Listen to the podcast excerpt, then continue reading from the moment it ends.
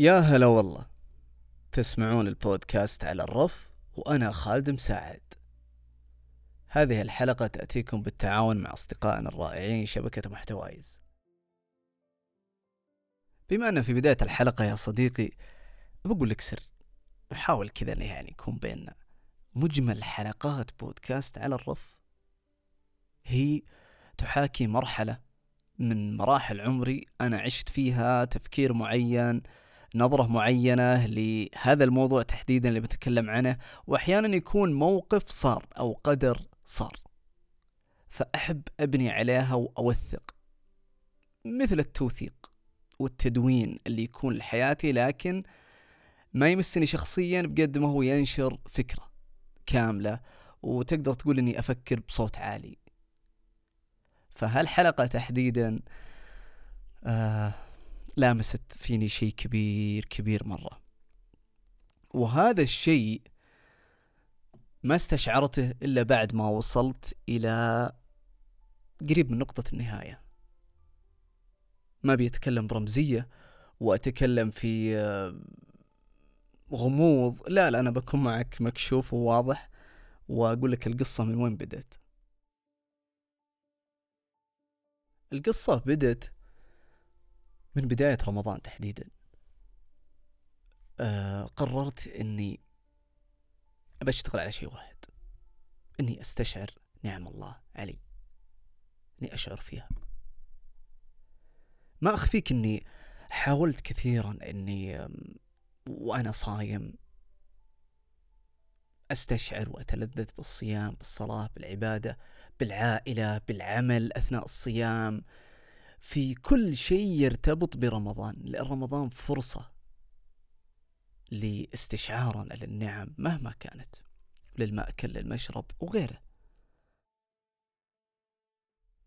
والحمد لله صمنا رمضان وقمناه ونسأل الله أن نكون من عتقائه من النار يا رب العالمين وأن نكون من المغفورين والمأجورين. انتهى رمضان الحمد لله وجينا على العيد. يا جمال نعمة الاجتماع ونعمة العائلة ونعمة الأصدقاء ونعمة المقربين منا وكذلك أن العيد أساسا هو تعبد لله الفرح فيه تعبد لله. ف قلت ما راح أزعل من أي أحد يرسل علي تهنئة برسالة جماعية. يعني أول كنا نقول لا طيب لو يخصني أنا واحد من ألف مسويهم برسالة جماعية. فقلت ليش ما أرد بطريقة ثانية؟ أني إذا جتني رسالة أرد التهنئة برسالة صوتية. وبنفس الوقت أبادر الأصدقاء وتكون برسالة صوتية. فسعيت جاهدا أن أغلب أصدقائي أرد عليهم بالصوت. لأن للصوت معنى. للصوت معنى نشعر فيه ويوصلنا أكثر من الرسائل المكتوبة وأكثر من التعابير وأكثر حتى من التصاميم. لأن الصوت آه هو آخر ما تبقى منا في هذا الفضاء الافتراضي.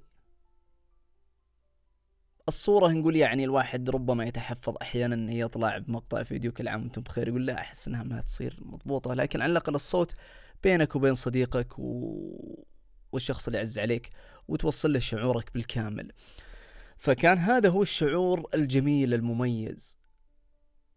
أه ما أنسى رسالة لصديقي حنيته صوت ورد علي وكان الرد جدا جميل وقال كلمة شكرا إنك ذكرتني حسيت إنها شوي يعني حركت فيني أمانة. أنا ما أتكلم عن هذا كله من باب التمجيد والتعزيز للنفس وإني أنا ممتاز وإني أنا كويس وإني أنا رهيب. لا أنا أشارك كل هذه لأني أبغى أوصل للحدث الأهم اللي صار بعد أسبوع. بعد أسبوع من العيد.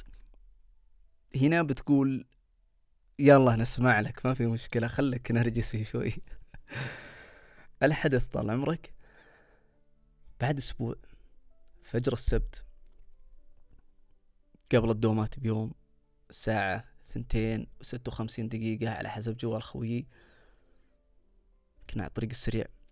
أنا وواحد من الأصدقاء أخوي الصغير وراء على جواله بالليل فكنت أوريه شغلة كذا بجوجل ماب فجأة قدامنا السيارة لف عنها بوف صدمنا. صدمنا في صبة على الطريق السريع ومن الصبة راحت للسياج الحديدي ووقفت هناك والحمد لله سلمنا. هل 15 ثانية أو 10 ثواني تقريبا أنا كنت واعيها كاملة. وأتذكر التفاصيل وأتذكر يقول الحادث صدمنا صدمنا صدمنا جاء الحادث. فكلها تمشي فكانت السيارة ترتفع وتنزل ترتفع وتنزل. الحمد لله ما حصل انقلاب والحمد لله رابطين حزام الأمان وسلمنا. لكن في خلال هالعشر ثواني سبحان الله آه شريط الحياة كله جاء قدامي. بأي لحظة أنت قد تتعرض لإصابة قاتلة؟ ويتوفاك الله. أنت في أي لحظة تجيك إصابة؟ برجلك بالراس بالظهر. ما تدري من وين تجي. وقفت السيارة نزل خوي نزلت بعده. الحمد لله سلمنا. مذهولين ما ندري وش الوضع.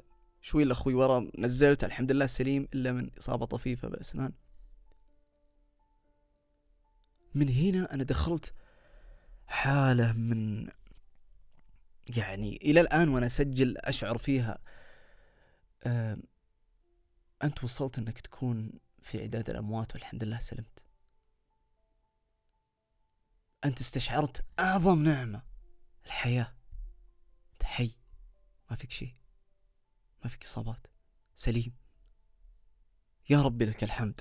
يا ربي لك الحمد. ألتفت على صديقي ما يتمتم إلا بالحمد لله. أخوي نفس الوضع. الناس ما قصروا لي فزعوا لنا وجونا. رحنا المستشفى. ظرف يوم كلنا طلعنا الحمد لله سالمين ما فينا شيء الأمور تمام. لكن فكرة إنك إني ما زلت حي ما زالت تواكبني. أنا اليوم أسجل الحلقة هذه في يوم السبت الحادث قبلها بأسبوع. يا جماعة شعور عظيم شعور عظيم شعور آه يمكن ماني أول واحد يجي حادث لا قدر الله ولاني آخر واحد والله أعلم بأقداره. لكن المسألة مسألة استشعار استشعارك لأنك ما زلت حي. هنا في هاللحظة أنت تبدأ تسترجع كل أمورك. ماذا لو؟ يجيك سؤال ماذا لو؟ يجيك سؤال يعني أنا ما أبي ما أبي أكمل. ما أبي أكمل ومثل ما يقولون عندنا اتفاعل على نفسي. لا والله. لكن الواحد يراجع حياته كاملة. يراجع يراجع أموره مع دينه يراجع أموره مع والديه مع أهله مع مع عمله ومع أمانته وكذلك حتى مع تعامله مع الناس. إن الواحد يوصل لمثل ما يقولون لحافة الحياة. بينك وبين الموت شعرة بينك وبين الدار الآخرة أمر الله سبحانه. بعد ترجع كأنك تعطى عمر جديد. وش بتسوي بالعمر هذا؟ هذا أعظم درس في حياتي أني أستشعر النعمة فعلا. أستشعر فعلا وجود الله حولي سبحانه. أستشعر فعلا آه الفرصة أستشعر فعلا العافية. أستشعر فعلا آه وجود الأحباء والأصدقاء. أستشعر فعلا وجود الأمن والأمان استشعر فعلا وجود عائلة محبة وأصدقاء محبين وزملاء رائعين وواقع أحمد الله عليه سبحانه وتعالى اللي في يوم من الأيام كذا في لحظة فراغ ولحظة طائشة ولحظة سيئة يجيك نوع من العتب والسخط عليه. بينما إذا تعرضت لاختبار حقيقي تجده أنه جنة من جنان الدنيا. بعد هذه الحالة وفوران المشاعر اللي يصير بعد مثل هالمواقف وبعد مواقف الحياة كاملة سواء اللي تستفز المشاعر الحزينة أو المشاعر السعيدة. آه بعدها نبدأ ندخل في حالة ركود مشاعر. مشاعر كانت في أوجها فتبدأ تنزل تنزل لأني أعتقد أن أساسا طبيعة الإنسان أنه يكون متزن المشاعر. بلغة الأرقام اليوم خمسين خمسين. خمسين بالمية حزين خمسين بالمية سعيد. فيكون بالنص. إذا كان بالنص يقدر يتحكم في كلا الجهتين. فالإنسان القوي هو اللي يقدر ينقل المشاعر هذيك اللي كانت في ذيك الفترة ويحولها لحالة سلوك. يعني يا خالد أنت قررت أنك تكون إنسان أفضل؟ لأنك الآن تعيش حالة عالية من المشاعر وامتنان أنك ولدت من جديد حياة جديدة بعد سلامتك من الحادث الحمد لله ترى بعد شهرين أو ثلاث شهور ما راح يكون عندك الشعور هذا راح تكون إنسان عادي مشاعريا مستقر. فإذا كنت قوي انقل الأفكار اللي الآن تفكر فيها لذاك الوقت وطبقها. خالد يمثل الكثير من الناس والسواد الأعظم من الناس. وعلى هالسيرة آه في مثل دايم نقول عامي ويمكن نتوقع إنه موجود آه، في مختلف دول العالم العربي. فاكتبوا لنا أصدقائنا اللي تسمعونا. آه يقول لك لا توعد وأنت حزين ولا توعد وأنت فرحان. هو تقريبا زي كذا لا أخاف إني لخبط فيه لكنك لا تعد وأنت في حالة حزن ولا تعد وأنت في حالة فرح. لأنك الآن أنت في أوج مشاعرك فبمجرد ما تستقر مشاعريا تبدأ تصعب عليك. تبدأ تثقل عليك.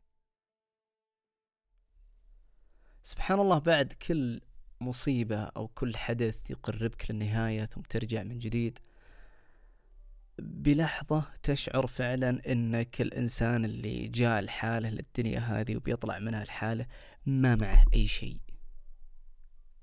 فعلا تشعر بذات الشعور.